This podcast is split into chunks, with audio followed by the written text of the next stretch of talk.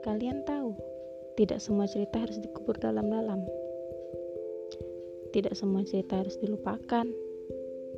Dan tidak semua cerita harus disembunyikan. Karena masing-masing dari kita memiliki batas kemampuan untuk menyimpan sebuah cerita. Ini kisahku, ceritaku. Siapa tahu ini juga kisah dan cerita kalian. Catatan hati. Setiap hati memiliki cerita.